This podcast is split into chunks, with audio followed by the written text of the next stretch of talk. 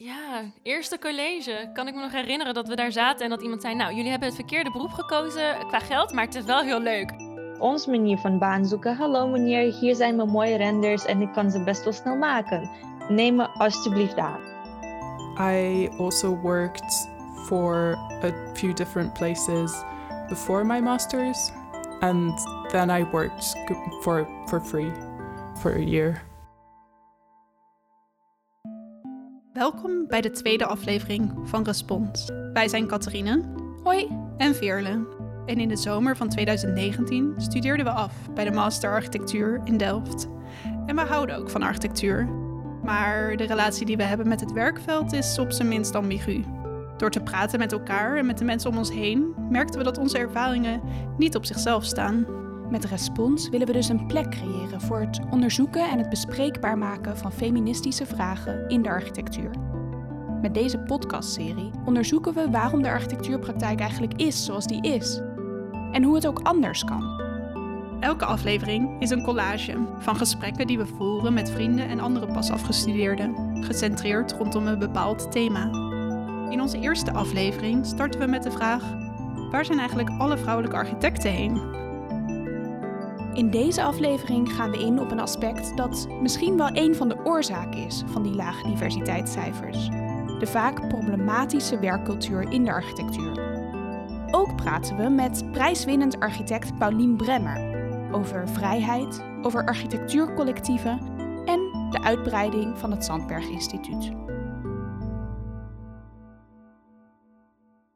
Uh, ik moet zeggen dat ik geluk heb gehad dat ik uh, nooit heb moeten overwerken. In die zin uh, bij allebei de bureaus echt wel veel mazzel gehad. Bij eigenlijk alle bureaus waar ik heb gewerkt viel het heel erg mee.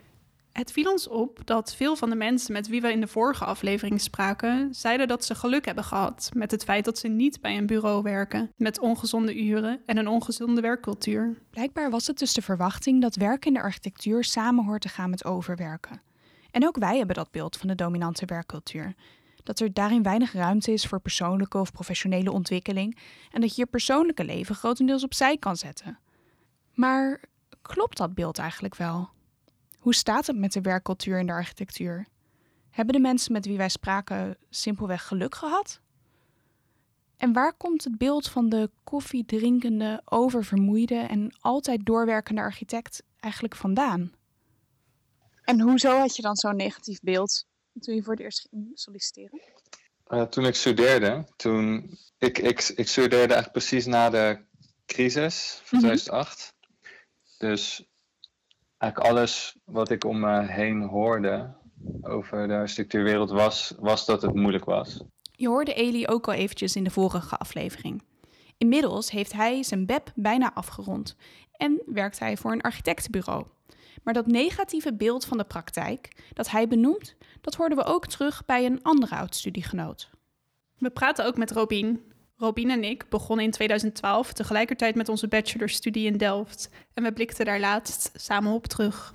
Ja, eerste college. Kan ik me nog herinneren dat we daar zaten en dat iemand zei: Nou, jullie hebben het verkeerde beroep gekozen qua geld, maar het is wel heel leuk. En ik weet ook nog een college dat er iemand gewoon letterlijk opstond en wegliep toen er verteld werd dat als je echt naar de uren kijkt, dat wij dan minder zouden verdienen dan als je bij de appie werkte.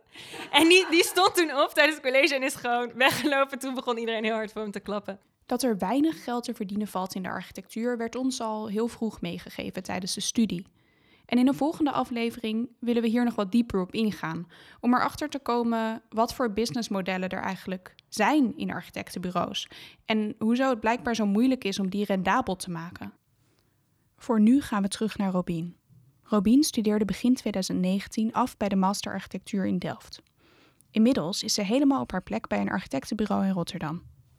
Het beeld dat de architectuur dus vooral zwaar is, vormde voor ons wel het startpunt van deze aflevering. Maar nu Robin zelf werkte in de praktijk, herkent ze dat beeld eigenlijk niet meer. En ze was dan ook enigszins sceptisch over onze negatieve insteek. Ja, daarom vroeg ik me af of ik de juiste persoon was die jullie moest interviewen. Maar nee, ik heb. Um, ik denk dat het beeld dat ik in bouwkunde had heel erg anders is dan wat ik nu heb. En dat komt wel echt door het bedrijf waar ik nu werk. Ik moet zeggen dat ik ook een stage heb gelopen bij een veel groter bedrijf. En daar was het ook wel echt zo intens. Um, maar dat is ook alweer drie, vier jaar geleden. Dus ik weet niet hoe dat misschien is het nu gewoon veranderd. Wat Robin hier aankaart en wat wij ook niet zo goed weten is of dat beeld eigenlijk wel klopt. Of dat het misschien verouderd is, of misschien eerder een geromantiseerde mythe. Net als Eli eerder suggereert ook Robin dat het er in de architectuur nu misschien gewoon anders aan toe gaat dan een aantal jaar geleden. En het bedrijf was toen heel erg groeiende. Dus dan moet je gewoon veel competities doen, heel veel projecten binnenhalen, waardoor je continu die druk hebt. En nu merk je al dat er, ja, er is gewoon een heel erg groot verschil of je in een van de teams zit of in dus het tenderteam. Want als je in een team zit, dan ja, ben je gewoon om zes uur klaar, gaat de computer uit, uh, doei. Tenzij je een omgevingsvergunning of zo in moet leveren en dan ben je ergens naartoe aan het werken. Maar over het algemeen is dat een veel constanter tempo. En in het tenderteam, wat dus ook wel jonger is, nou, het, bedrijf is over het algemeen best wel jong, maar de jongste mensen zitten ongeveer in het tenderteam. Die hebben nog een beetje energie over. maar daarbij gaat het heel erg van project naar project, waardoor je dus ook van deadline naar deadline werkt. En dan ja, is het wel zo dat het echt intens kan worden. En ja, dat je gewoon ook soms wat langer door moet werken. Maar het is nooit zo geweest als bijvoorbeeld bij mijn stage dat ik echt heel vaak tot vier uur s'nachts nog bezig was of zo. Ik heb denk ik in de anderhalf jaar heb ik één nacht echt door moeten halen, heel de nacht.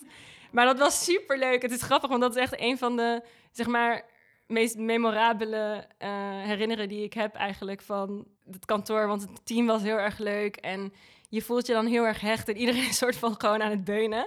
En de volgende ochtend om negen uur uh, of half negen begon iedereen soort van binnen te komen op kantoor terwijl wij nog bezig waren. En iedereen zat echt zo, oh, wat doen jullie? Zeg maar, dit is echt niet oké. En om negen uur hadden we het ingeleverd, werd er geklapt, gingen we met z'n allen ontbijten en kwam de baas nog even langs met een fles champagne. was heel gezellig. En toen kregen we dus ook twee dagen of drie dagen vrij. Dus zo gaat dat heel vaak. Je werkt toe naar een deadline, het is even intens en dan heb je ook vrij. We vonden het maar moeilijk om een goed beeld te krijgen van hoe het nou eigenlijk zit met de werkcultuur en de architectuur als geheel. En de invloed van de crisis daarop bijvoorbeeld. Er zijn maar weinig cijfers over overwerken en zoals Robin schetst zijn er inderdaad deadlines waar je naartoe moet werken. Maar de aanpak daarvan verschilt continu en kan zelfs tot hele leuke dingen leiden. We besloten dus om verder op onderzoek uit te gaan. Waar we meestal praten met ervaringsdeskundigen, waren we nu ook heel erg benieuwd welk beeld er uit de cijfers spreekt. Werkcultuur is natuurlijk iets dat lastig te meten is of te kwantificeren. Maar toch zijn er bepaalde cijfers die een indicatie kunnen geven van de stand van zaken binnen de praktijk. Zoals bijvoorbeeld de financiële gezondheid van de bureaus en de hoeveelheid beschikbare banen. En hoe is dat eigenlijk door de tijd heen veranderd? Heeft dat nog invloed op de gebrekkige diversiteit op de werkvloer? Om daarachter te komen benaderden we organisaties en mensen die meer zicht hebben op het werkveld dan wij. En we e-mailden onder andere de BNA, de branchevereniging voor Nederlandse architectenbureaus. We kregen een uitgebreide en vrij technische reactie per e-mail. Veerle parafraseert. Uit de cijfers die de BNA noemt, leren we dat de financiële crisis van 2008 inderdaad stevige impact heeft gehad op de architectenbranche. 2011 was het dieptepunt. Op dat moment was meer dan 50% van de bureaus niet rendabel. Sinds 2013 vindt er weer geleidelijk herstel plaats en zijn er ook weer steeds meer banen beschikbaar, alhoewel de pandemie wel weer roet in het eten lijkt te gooien. Maar we krijgen nog steeds geen goed inzicht in de invloed van deze ontwikkelingen op de werkcultuur bij architectenbureaus. Betrouwbare cijfers over overwerken heeft de BNA niet. De BNA is namens de werkgevers, samen met de vakbonden, betrokken bij het onderhandelen van de arbeidsvoorwaarden in de CAO. Op de situaties die niet conform de CAO zijn, hebben zij geen goed zicht, maar die zijn volgens de BNA eerder uitzondering dan regel. Verder zegt de BNA dat het aan werkgevers en aan werknemers is om de werkcultuur te bespreken en eventueel te veranderen. Als er iets mis is op kantoor, kun je verschillende stappen ondernemen: medezeggenschap binnen het bedrijf, je aansluiten bij een vakbond of een stap naar de geschillencommissie van de SFA bijvoorbeeld. Het lijkt ons sowieso handig om je rechten te kennen als medewerker en om te weten naar welke organisaties je kan gaan als er iets mis is. We hebben daar ook wat links van in de show notes opgenomen als je daar meer over wil weten. Ook belden we nog met Thijs Asselbergs. Hij is architect en hoogleraar aan de TU Delft en doet al lang onderzoek naar de veranderende positie van architecten. Hij leek niet zo onder de indruk van de invloeden van de financiële crisis van 2008. Je, je hebt hier inmiddels een 64-jarige architect tegenover je, die in 1982 is afgestudeerd. Ook toen was er een crisis. We zaten in de nadagen van, de, van, de, van het olieverhaal. En uh, begin jaren 80 uh, studeerde ik af en was het ook echt economisch zeer slecht. Dus wat dat betreft, en, en er zijn meer slechtere periodes geweest. Hè. Begin 2000 is er ook een internetbubbel geëxplodeerd. En, maar 2008 met Lehman was natuurlijk voor, zeker voor jullie generatie ook weer een, een, een enorm ding. Um, dus bouwen is op en neer. Bouwen is economisch heel erg gevoelig. hoge en lage conjunctuur. En daarmee is de architect als creatieveling natuurlijk altijd in, in, in de lead. Dus in die zin is er in de 40 jaar dat ik nu ongeveer in dit vak rondloop niet zoveel eh, veranderd. Anders dan dat je ongelooflijk goed in de gaten moet houden dat als het een crisis is, dat er letterlijk weinig geld bij architecten en bij architectenbureaus zou kunnen zijn. Het is dus van alle tijden. Architectuur beweegt mee op de golven van de economie. Volgens Thijs is er, als het over werkcultuur gaat, meer sprake van een cultureel fenomeen. En dan met name bij conceptgerichte architectenbureaus. Met name die, die bureaus die creatieve uh, denk- en werkmachines zijn, hebben nogal de neiging om zeker ook de jonge generatie uh, eh, 100 uur te laten werken voor soms uh, letterlijk 100 euro maandvergoeding. En dan moeten ze nog via, via weet ik veel, hun ouders of wat dan ook, moeten ze nog in hun huisvesting enzovoort. Nou, geen mens in, in, in, in Rotterdam of waar dan ook kan van 100 euro in deze samenleving per maand leveren. Dus dit is wat ik noem gewoon moderne slavernij. Daar werk je overigens wel vrijwillig aan mee. Als jij als, als jonge architect dat wil, dan heeft het ook twee kanten. Want blijkbaar wil je dan nog een soort onbetaald internship doen bij zo'n bureau. En tegelijkertijd kan je je ook afvragen: ja, maar mensen moeten we zo wel met onze branche omgaan? Want waarom kunnen we die mensen niet een beetje normaal betalen? Uh, dat, is natuurlijk een heel belangrijk ethisch uh, zwaar punt. Of er nou wel of niet veel geld rondgaat in de architectuur, hoe je omgaat met die economische situatie, wordt daardoor helemaal niet bepaald. Je kan daar op verschillende manieren mee omgaan en, en hoe je dat doet ligt ook aan de heersende cultuur. Als we naar Thijs luisteren, lijkt het erop dat veel architectenbureaus het eigenlijk wel handig vinden om gebruik te maken van veel goedkope arbeid. En dat jonge werknemers daar vaak mee akkoord gaan. De uitbuiting die Thijs beschrijft, laten we ook terug in een artikel van Marie-José Kleef, dat in 2016 werd gepubliceerd door de Groene Amsterdammer. Niet alleen bij architecten, maar ook bij andere gemotiveerde en hoogopgeleide ZZP'ers, zoals acteurs en muzici, is het, zoals de titel van het artikel zegt, zelf zwaar ploeteren. Voor jou tien anderen. Maar waarom doen mensen daaraan mee? Zijn architecten, net als kunstenaars, misschien zo gemotiveerd om hun vak uit te oefenen dat ze dat ook ten koste van zichzelf willen doen? Je hoort hier Robin. Maar dat, dat, dat is denk ik wel echt waar. Zeg maar, je gaat niet rijk worden als architect. Um, je zit er niet in voor het geld, je zit erin omdat je het een passie is en omdat je het leuk vindt. En ik denk dat als je dat niet hebt, dat je het dan ook niet vol gaat houden. Architectuur als passie, dat horen we vaker. Bijvoorbeeld in gesprek met Anne, de architect en oud-studiegenoot, die we ook vorige aflevering even hoorden. En dat sluit misschien ook wel weer aan bij die lijpvele uren werken. Want het is je roeping, het is je passie, dus je doet het maar. Uh, weet je, het hoort erbij. Uh, als je dat niet wil, ja, dan moet je maar wat anders gaan doen hoor. Tuurlijk niet, wat is het nou voor onzin? Het kan gewoon op een normale manier omdat het werk onze passie is, willen we daar als architecten of als creatievelingen blijkbaar van alles voor opgeven.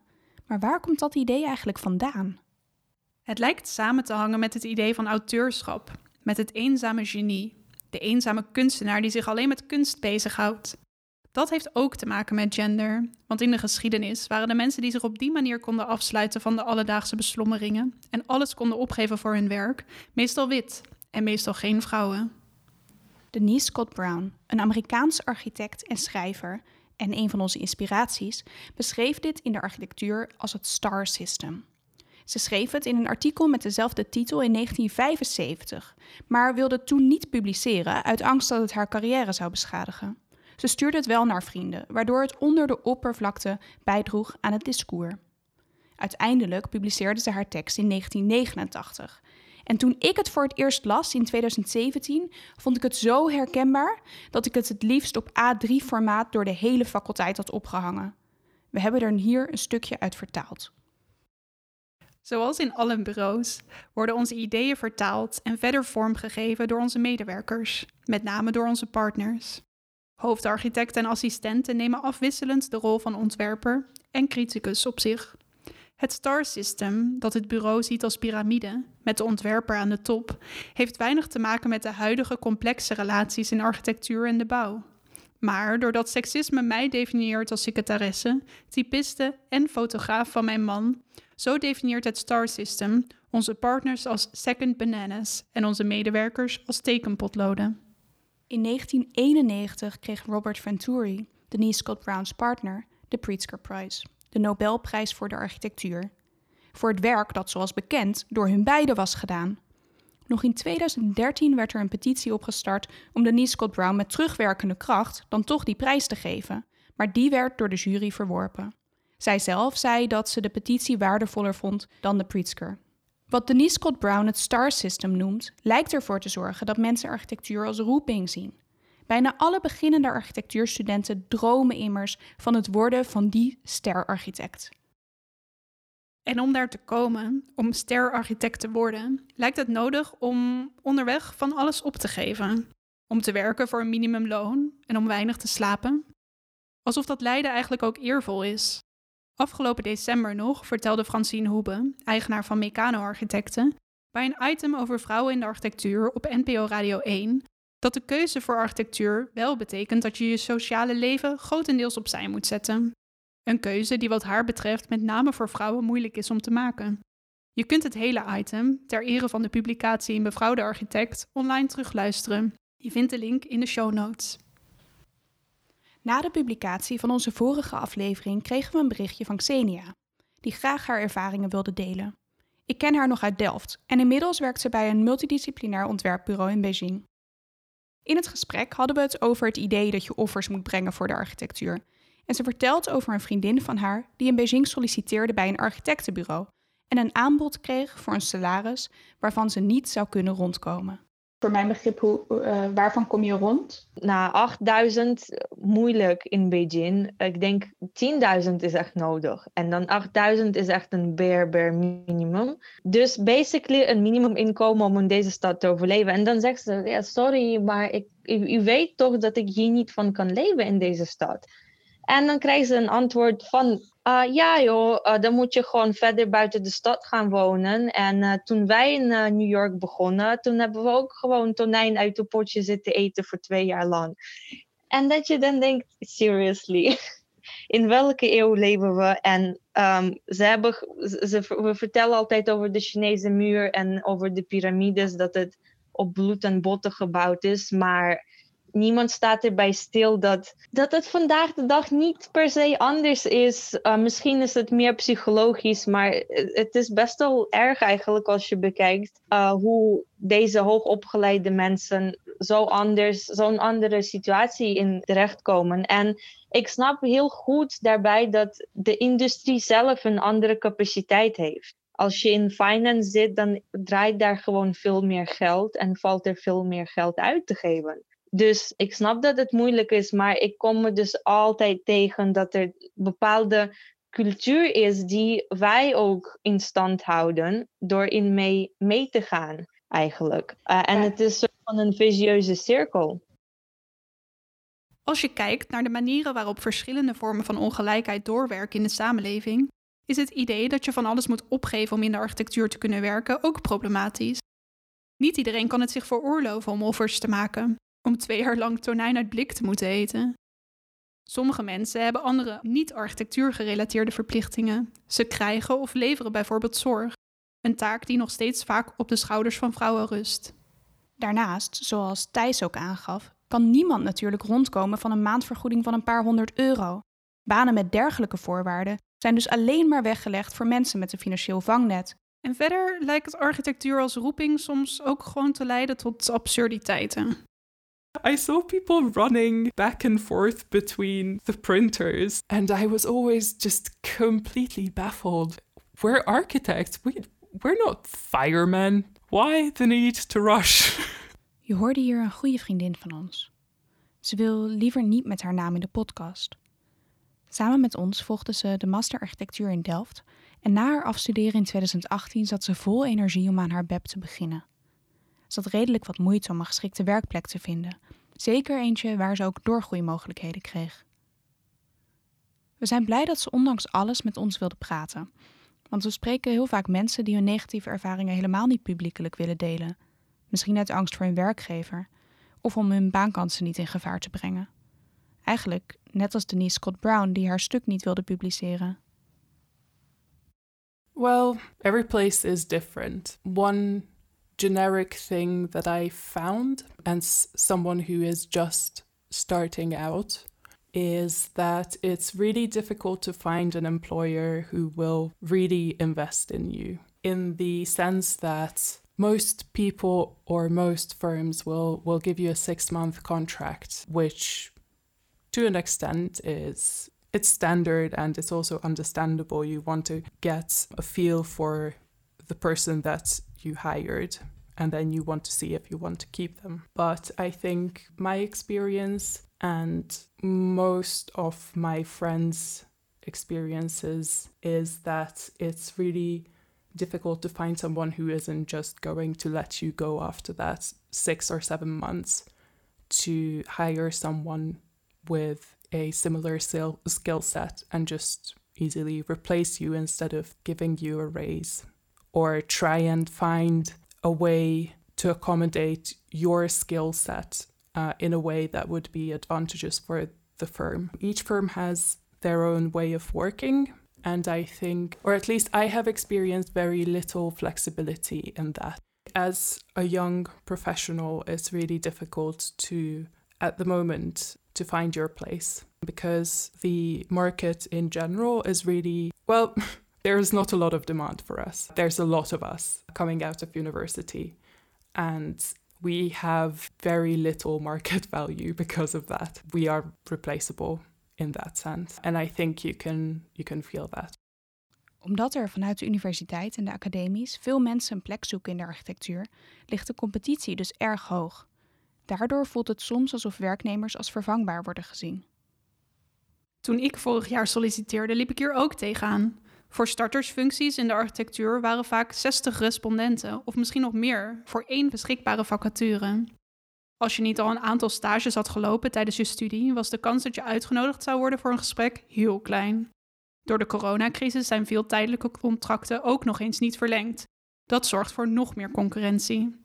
I eventually quit because I, I didn't think they would extend my contract and also I, I was just running out of money. And I got a better job offer back at the university, which which was actually really nice. But when I when I told them I was quitting and it was because of financial reasons, they told me that actually this is a really great opportunity that I'm wasting because this way for a very low amount of money I can I can stay in the Netherlands and see how things work in the Netherlands.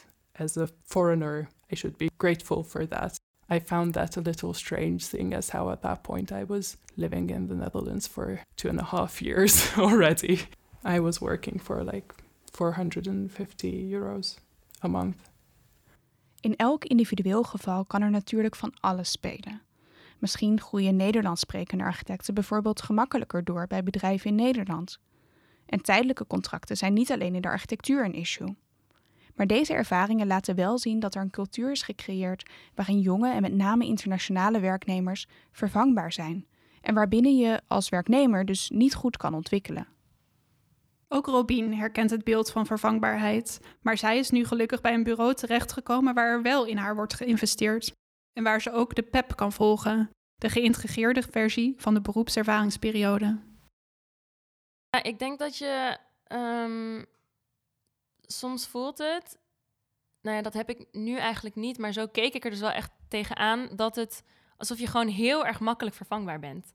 Vooral dus als je bij hele grote bureaus werkt, dan hebben ze een project, je wordt aangenomen, uh, je gaat aan het project werken, je hebt een tijdelijk contract drie keer.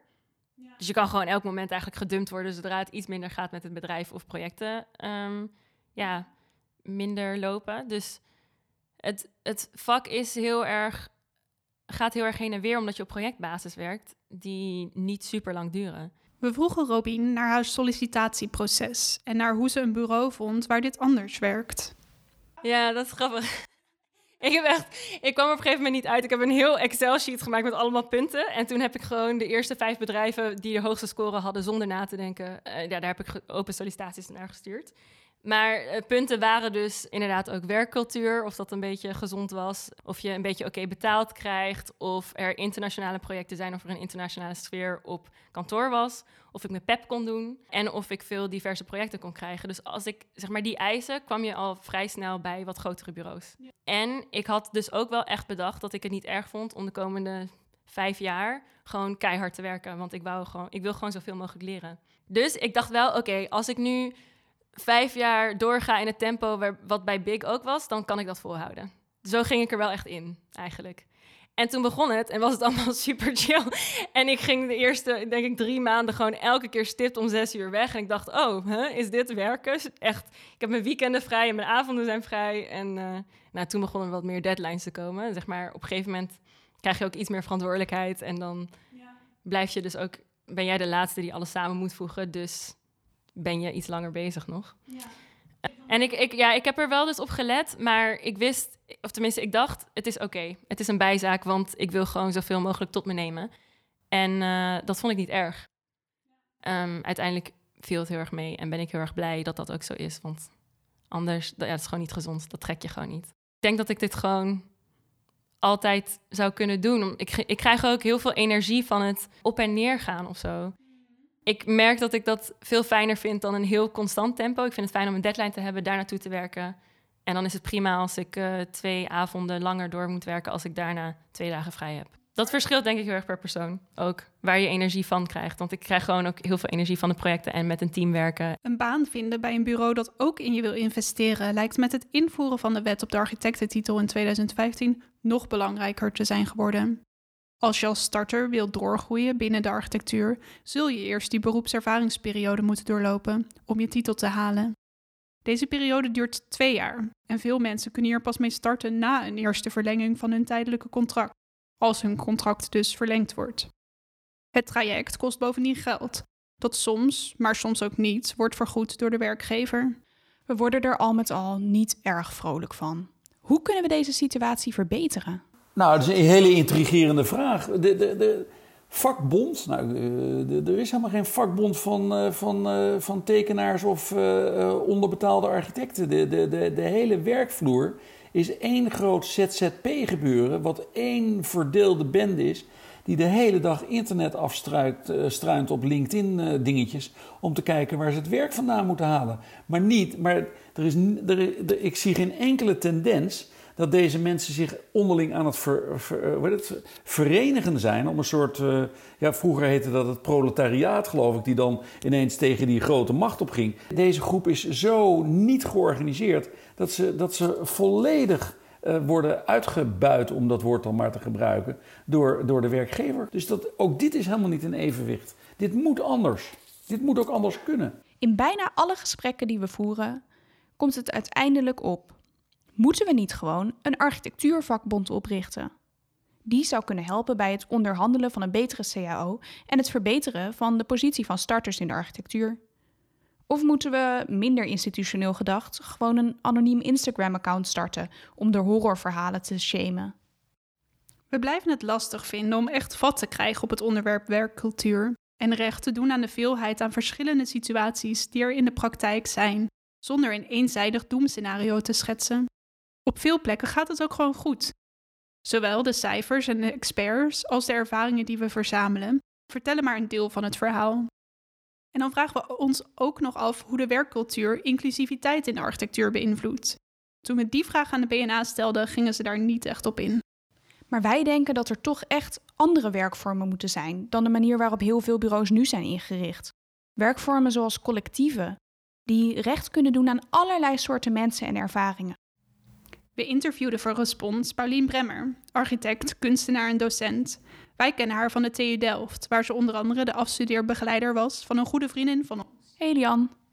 Paulien zelf studeerde af in de jaren 90 en we zijn benieuwd naar haar ervaring in de architectuur en naar haar kijk op de werkcultuur.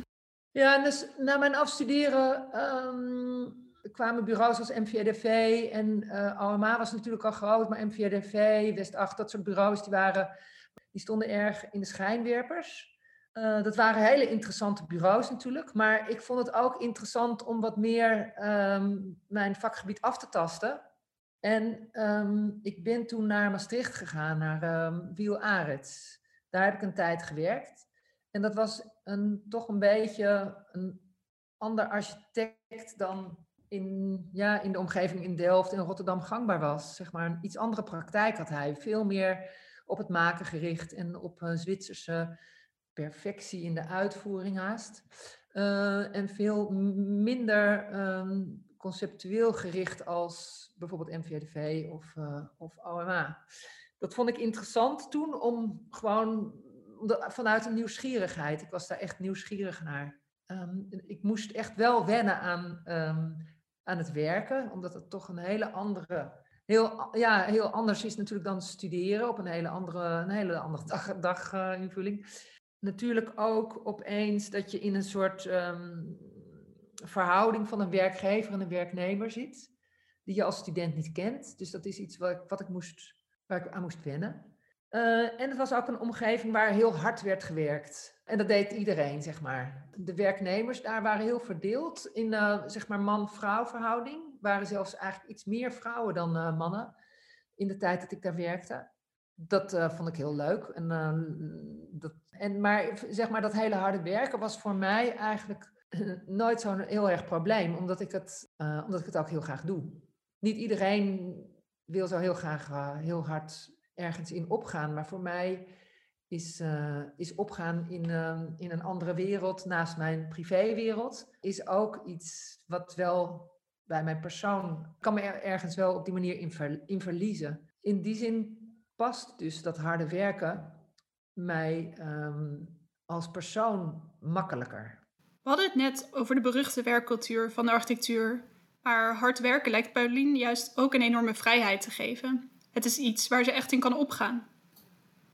Ja, ik herken dat heel erg. Maar tegelijkertijd is het ook dubbel. Want in de periodes dat het thuis niet zo lekker ging, kon ik enorm opgaan in mijn werk. En ik vond het ook enorm bevrijdend om hard te werken, om echt op te gaan in, in filosofie en in mijn onderzoek. Ik voel me ook heel erg vrij in dat werk. Dus ik herken mezelf wel in die, in die romantiek van nachtenlang werken, van veel koffie en alles even opzij zetten voor het project waar je mee bezig bent. Maar tegelijkertijd was die mogelijkheid om echt zo erg in mijn werk op te gaan, vooral als het thuis even niet zo lekker ging of met mij niet zo goed ging, heel zeldzaam. Het is ook natuurlijk ook een beetje trouwens een cultuur die ook wel natuurlijk bij uh, architectuur en bouwkunde en uh, wordt dat ook wel vaak als een kwaliteit haast gezien dat je dat dat je dat leuk vindt en dat je dat kan. En dat is dus ook tegelijkertijd dan de valkuil vaak. Omdat je natuurlijk ook te hard kan werken en ook je, ja, je andere leven daarmee eh, soms tekort kan doen. Die praktijk eigenlijk, uh, waarin het werk zo'n belangrijke rol speelt in het leven van de werknemer, of, of misschien wel van degene die het bureau runt, zeg maar. Dat is natuurlijk eh, best vergeleken met andere beroepen uitzonderlijk. Hard werken is dus niet alleen een individuele voorkeur, het komt ook voort uit cultuur. We kwamen een goede beschrijving van hoe die cultuur eruit ziet tijdens de studie tegen in het artikel van De Groene dat we eerder al noemden. Wie op de bouwkundefaculteit van de TU Delft rondloopt, snapt dat nog steeds duizenden jonge mensen architect willen worden. Het is hier leuker dan op de burelen van Google of Facebook. De geïnspireerd verbouwde oudbouw van de universiteit verspringt overal speels van niveau, is tegelijk ruimtelijk en intiem en spettert van kleur. Iedereen is hier slim en creatief en zit in gezellige hoekjes en kuilen met open blik en passie, gebogen over tekeningen, laptops, maquettes, goede koffie en biologische broodjes. Ja, die biologische broodjes zijn wij nooit tegengekomen in de faculteit, maar verder komt het toch behoorlijk overeen. Als ik op de faculteit rondliep, voelde het soms alsof je in een stokfoto terecht was gekomen, met overal hardwerkende groepjes mensen. Tegelijkertijd voelde de faculteit ook jarenlang als thuis. We vragen Pauline of het er altijd bij zal horen. Bij architectuur, die, die manier van werken, waarbij architectuur een grote rol moet spelen of altijd speelt in het leven van werknemers. En of dat ook anders kan, of het anders moet. Misschien hoort dat in een bepaalde fase bij goede architectuur. In een bepaalde fase van het van het maken. Ik denk dat in een bepaalde periode van maken, of voor makers in het algemeen, dat ze hun werk heel persoonlijk nemen. Dus daarmee ja, identificeer je je erg met je werk, of dat wat je maakt. En dat gaat soms gepaard met een overgave haast aan je werk. Maar architectuur is ook op een bepaald moment, zeker voor een werknemer, een kwestie van, eh, ja, van, van uitvoeren en van doorwerken. Wat Paulinier zegt was voor mij echt een eye-opener. Het valt denk ik niet te ontkennen dat het creatieve proces een belangrijk deel van de architectuur is, met bepaalde aspecten die daarbij horen. Maar op een gegeven moment is architectuur ook gewoon werk. Het lijkt erop dat er misschien een bepaald narratief is, een bepaald beeld van de architectuur waarin dat creatieve werk en de auteur ervan een heel centrale rol innemen. Maar daarin lijkt veel minder plek voor de realisatie. Het is ook gewoon werk. Zou het misschien kunnen dat dat beeld van de architect als creatieve auteur de slechte werkomstandigheden deels legitimeert? We vragen aan Pauline of de heftige werkcultuur misschien ook een reden zou kunnen zijn dat er zo weinig diversiteit is in het veld. Ja, dat weet ik niet, niet goed. Wat ik wel altijd vind, is dat de naamgever van het bureau is ook vaak degene die het runt. De manager van zo'n bureau wordt vaak door, ja, door, door, die, door de architect dan gedaan, of door co-architect of weet ik wat. De hele bedrijfsstructuur is eigenlijk heel klassiek. En eigenlijk ook niet heel erg democratisch. Dus je hebt een, een architect die dat bureau dan leidt, maar je hebt bijvoorbeeld geen MR of medezeggenschapsraad. Maar je ziet ook dat er tegenwoordig steeds meer collectieven komen, zoals bijvoorbeeld Assemble. Dus een, een collectief dat op een hele andere manier samenwerkt. En ik denk dat die ouderwetsere bedrijfsvoering, het zou wel eens kunnen zijn dat die niet iedereen meer past. Of dat dat steeds meer mensen moeilijk afgaat of zich daar minder bij thuis voelen. Zou het kunnen dat mensen die niet zo makkelijk in de norm passen, zoals vrouwen in een mannenwereld, zich misschien meer thuis zouden voelen in een meer democratische bedrijfscultuur?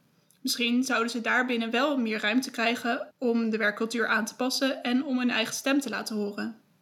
De afwezigheid van de medezeggenschapsraad, die Paulien beschrijft, past bij de reactie die we kregen van de BNA. De BNA schreef ons dat het recht op medezeggenschap binnen bureaus in de CAO is geregeld, maar dat daar in heel veel bureaus geen gebruik van wordt gemaakt door werknemers. Aan Paulien vragen we of vrouwen dan minder gemakkelijk in zo'n hiërarchische bedrijfscultuur passen en hoe zou dat dan komen? Pauline vindt het een moeilijke vraag en ze denkt lang na voordat ze ons antwoord geeft. Misschien is het ook wel zo dat het, als je een architectenbureau runt, dat het ook nog eens om een inclusieve bedrijfsvoering te hebben, dat dat ook nog eens een extra opgave is voor een bureau. Of dat dat om daar attent op te zijn het vraagt misschien ook wel een, los van dat je alleen maar uh, bijvoorbeeld meer vrouwen in dienst hebt, gaat het misschien ook nog erover dat je op een andere manier werkt. Ook met je opdrachtgever, ook in de maatschappij. Maar daar word je tijdens je studie niet voor opgeleid. Dus het is ook nog eens zo dat een, een architect om een bedrijf te runnen en, en dat op een inclusieve manier te doen, is misschien ook nog wel eens heel erg veel, uh, alles bij elkaar. Misschien is het dus niet eens de hiërarchische bedrijfsvoering die vrouwen afschrikt, maar meer überhaupt een gebrek aan visie op bedrijfsvoering. Als de default is om mensen aan te nemen zoals jij, en als er daar binnen een bedrijf niet over wordt nagedacht, zou het effect zomaar een exclusieve werkcultuur kunnen zijn, met alleen maar witte mannen aan de top. We maken een klein uitstapje terug naar ons gesprek met Robin. Op de website van het bureau waar Robin werkt staat expliciet vermeld dat ze geloven in een gezonde balans tussen werk en privéleven. En dat ze zich inzetten om een werkgever te zijn die gelijke kansen biedt aan iedereen. Ja, dit is echt belangrijk. Ik kan niet op een plek werken zonder dat dit gebeurt. Ik heb ook expres, ben met mijn afro helemaal los en wild, zoals het nu ook een beetje is, uh, naar de sollicitatie gegaan. Uh, want ik dacht, ja, als ze er een probleem mee hebben, dan moeten ze dat nu zeggen en dan ga ik hier niet werken, zeg maar. En want ik, ja, toch ga je daarover nadenken. Het is zo stom. Iedereen denkt erover na wat je aan gaat doen, hoe je wil dat ze jou zien. En um, ik dacht, ik ga niet. Uh, ik heb ook wel eens gewoon een staart in en dan is mijn haar helemaal niet zo wild. Dus dat had ook prima gekund. Maar nu had ik expres het helemaal losgelaten. En dacht ik, ja, beter dat ze dit gewoon uh, nu zien. Ja, en omarmen. Ja, precies. En nou ja, ik denk dus ook dat ik misschien wel dus het geluk heb om op zo'n plek te werken waarbij iedereen's individualiteit en karakter heel erg ja, omarmd wordt, zoals je zei. Ook al is de top van het bedrijf waar Robin werkt nog steeds vooral man en wit, er is wel een cultuur gecreëerd waarin verandering mogelijk lijkt. En dat geeft hoop. Want als er nu op veel plekken überhaupt niet wordt nagedacht over een inclusieve bedrijfsvoering, is de stap naar daarover nadenken en de eerste veranderingen te laten plaatsvinden misschien best wel haalbaar. Maar je ziet wel volgens mij bij jonge bedrijven, jonge bureaus, startende bureaus, dat er steeds meer ook vanuit die samenwerking of vanuit een nieuwe vorm van samenwerken wordt gedacht en dat dan op een veel natuurlijkere manier inclusiviteit tot stand komt. Dus eigenlijk heb ik wel een soort van, zie ik dat wel met optimisme en uh, vind ik dat ontzettend geweldig om te zien. In 2011 begon Paulien zelf zo'n nieuwe samenwerking en richtte ze FedLev op. Een gelegenheidscollectief voor de uitbreiding van de Rietveld Academie en het Sandberg Instituut in Amsterdam. Het klinkt als een bijzonder project. De prijsvraag richtte zich op het ontwerpen vanuit de gemeenschap en de ontwerpteams kwamen dus zelf ook van de academie. FedLev won de prijsvraag. Het projectteam waarmee ze de uitbreiding realiseerden was een wisselend team, waarin het oorspronkelijke collectief dat aan de prijsvraag had gewerkt door de tijd heen veranderde en werd aangevuld met mensen geleerd aan Pauliens ontwerpstudio en later ook met Hootsmans architecten. Het was dus een heel verlopend, divers team waarmee de uitbreiding echt als samenwerking werd gerealiseerd. In 2019 is het nieuwe gebouw opgeleverd en het gebouw werd in 2020 overladen met prijzen en nominaties. We vroegen Pauline naar het proces en naar wat deze open collectieve samenwerking opleverde. Uh, de, het leverde zeker meerwaarde op, omdat het, uh, het team dus, wat bijzonder was aan het team, was dat wij gebruikersexperts waren. Dus wij konden, je hebt natuurlijk nooit een ontwerpteam waarbij de gebruiker zo erg uh, het proces van de totstandkoming kan beïnvloeden. Dus, maar ik was ook gebruiker van de omgeving en ook docent. Dus ook ik kende ontzettend goed de, het gebruik van de ruimte en van de onderwijsomgeving. Dus dat is heel bijzonder dat je op die manier invloed kan hebben op de toekomstige uh, onderwijsomgeving. Dat is, dat is eigenlijk uniek. Is dat iets waarvan je zegt uh, dat zou eigenlijk veel vaker moeten gebeuren? Of, of denk je dat het ook gewoon een ja, heel specifiek moment en project is? Uh, gedeeltelijk. Want dat je zo erg, zeg maar, daar, dan zou je dus een, dan zou elke organisatie zou eigenlijk een uh, architect moeten hebben binnen de organisatie. Die in dat ontwerpproject betrokken kan zijn. Dat kan natuurlijk niet. Maar wat wel wat wel zeker kan, is, ja, is het participerende traject. Konden ook altijd mensen van de academie bij ons binnenlopen bijvoorbeeld. We hebben een tijd op het terrein ook gewerkt, waarbij uh, mensen deel konden, of, ja, deel konden nemen aan workshops of konden inspraak konden hebben. Dus uh, het was ook op die manier heel participerend. De opdrachtgever die, uh, stond ook ontzettend open hiervoor. Wij hadden bedacht dat we witte ruimtes wilden hebben binnen het ontwerp. En die witte ruimtes, white spaces noemden we dat, die zouden ingevuld kunnen worden door uh, ontwerpers binnen de academie. Inspraak hadden we ook op het programma van eisen. Dat stond niet vast. De opdracht hebben we ook vergroot. In eerste instantie was het alleen de uitbreiding van de, van de academie. Maar we hebben ook een deel van het programma van de bestaande gebouwen geshuffeld, dus hergeprogrammeerd. Oorspronkelijk was dat niet onderdeel van de opdracht. Maar dat soort dingen, we, vonden dat vanuit, het, vanuit ons concept van belang. En dat soort dingen waren ook allemaal bespreekbaar bij de, binnen de academie zelf. Uh, we vonden het ook belangrijk dat op plekken waar onderdelen zelf gemaakt konden worden, dat daarbij ook bijvoorbeeld de houtwerkplaats of de, keram, de ovens van keramiek gebruikt konden worden. Dus ook op die manier hebben we zoveel mogelijk ja, de omgeving laten participeren in het ontwerptraject. Zo'n open proces klinkt naar ons idee heel leuk. We vroegen Paulien of dat het ook echt was.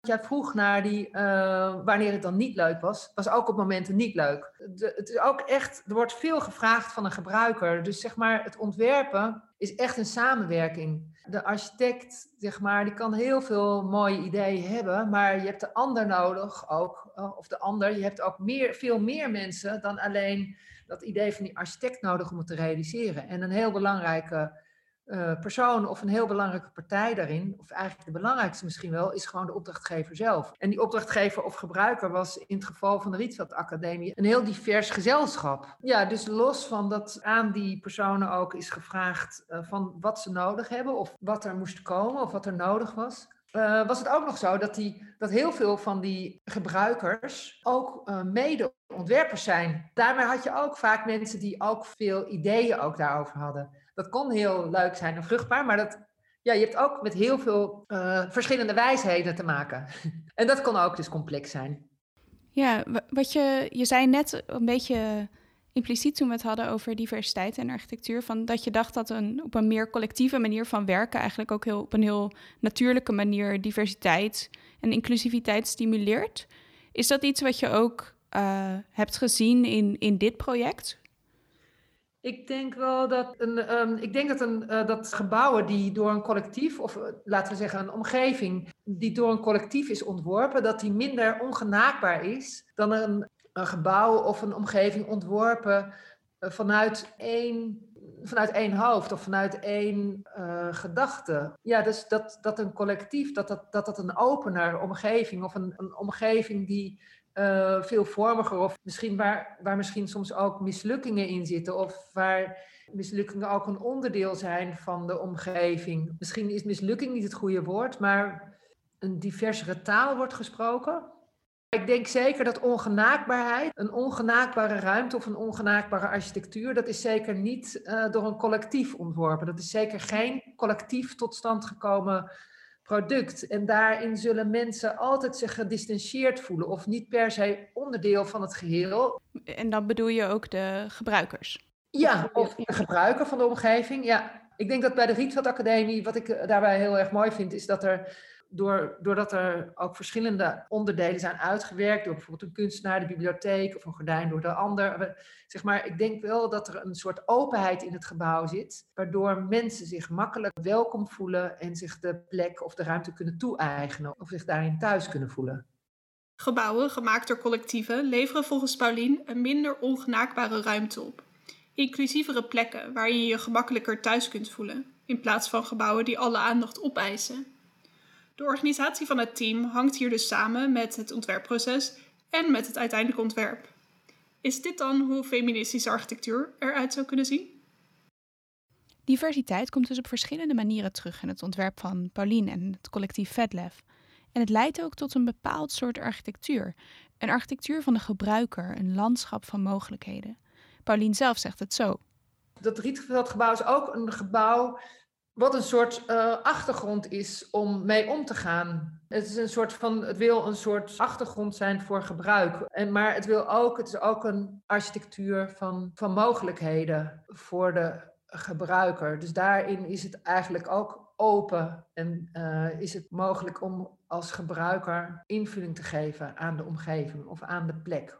Dus in die zin is de schoonheid niet per se hoe het eruit ziet, maar is de schoonheid eigenlijk ook het scenario wat erin plaats kan vinden of wat daar kan gaan gebeuren, de mogelijkheden die het biedt. Hoe kom je in zo'n positie om op zo'n manier te werk te gaan? Pauline werkt autonoom en ze waardeert haar vrijheid erg. Maar hoe, hoe doe je dat eigenlijk en hoe bouw je zo'n praktijk op? Pauline is niet alleen architect, ze geeft ook les en ze is kunstenaar. We vroegen haar daarom ook hoe ze ruimte maakt voor al deze dingen en hoe ze ervoor zorgt dat ze die kan combineren met elkaar. Uh, ja, voor mij is het één praktijk. Zeg maar, het is echt één, het houdt verband allemaal met elkaar. Op de een of andere manier. Ik denk ook dat ik vrij flexibel ben, doordat ik uh, ook autonoom echt werk. Dus op het moment dat er een project is, dan is er een bepaalde samenwerking. Maar die samenwerking is niet permanent. Dus ik ben flexibel in mijn uh, praktijk. Maar wij vragen ons ook gewoon heel praktisch af: hoe doe je dat dan financieel? En ik kan het niet zo heel goed uh, beantwoorden. Ik denk wel, ja, ik vind het lastig te beantwoorden, want voor heel veel mensen is um, een soort van financiële zekerheid heel belangrijk. En dat is voor mij ook zo, maar ja, ik kan daar kennelijk meer risico in nemen. Of heb daar meer. Ik vind, uh, ik heb wel, ik vind het heel lastig deze vraag, want het is ontzettend belangrijk. En, uh, maar ik maak mij daar iets minder zorgen over, kennelijk. Hoe we zelf financiële ruimte kunnen maken om meer tijd te besteden aan architectuur en alles eromheen Dat weten we niet zo goed.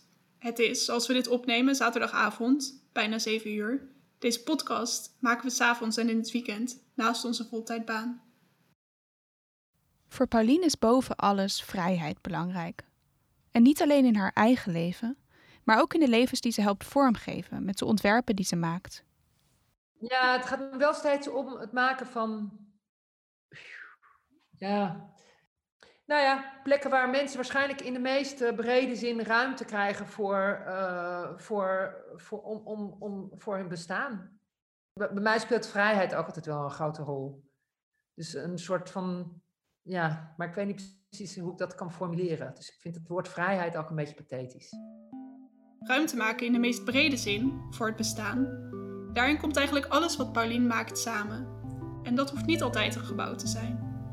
Wat ik mooi vind aan dit perspectief als we kijken naar werkcultuur, is dat het dus gaat om ruimte maken.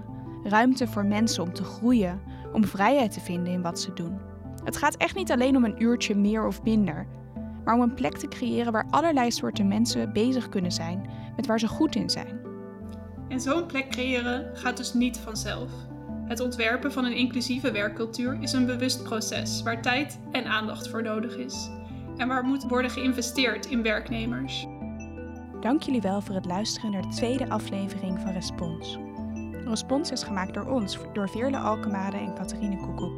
We zijn heel dankbaar voor de hulp van Sebastiaan van der Pol voor het lenen van de microfoons aan Elie Dorsman voor de jingle, Anne de Zeeuw voor het logo, Fred en Jasper van de BNA voor al hun informatie en Paulien Bremmer, Robin Somé, Xenia Otmakova, Anne van der Meulen, Elie Dorsman, Thijs Asselbergs en Setari Norani voor de gesprekken. En bedankt aan alle mensen met wie we zonder microfoon over deze onderwerpen van gedachten hebben gewisseld of zonder hun naam te noemen. Respons is onderdeel van het Arginet Lab, om het architectuurklimaat te bevorderen, ondersteunt Arginet met regelmaat onafhankelijke en experimentele projecten, zoals wij, in de vorm van tijd en kennis. Op arginet.nl kun je de afleveringen vinden en terugluisteren. En daar lees je ook meer over het maakproces. Respons wordt mede mogelijk gemaakt met financiële steun van de Fleur Groenendijk Foundation. Nou, tijdens mijn koffiepauze vandaag ging ik dus even opzoeken hoe je eigenlijk een vakbond moet oprichten. Oké. Eh, dat is volgens mij echt heel makkelijk. Een vakbond kan opgericht worden door twee medewerkers en moet erkend worden door een werkgever. Hmm. Volgens mij is dat, zeg maar, je hebt niet meer dan twee mensen nodig. Uh, dus toen dacht ik, oké, dit klinkt eigenlijk wel uh, doable.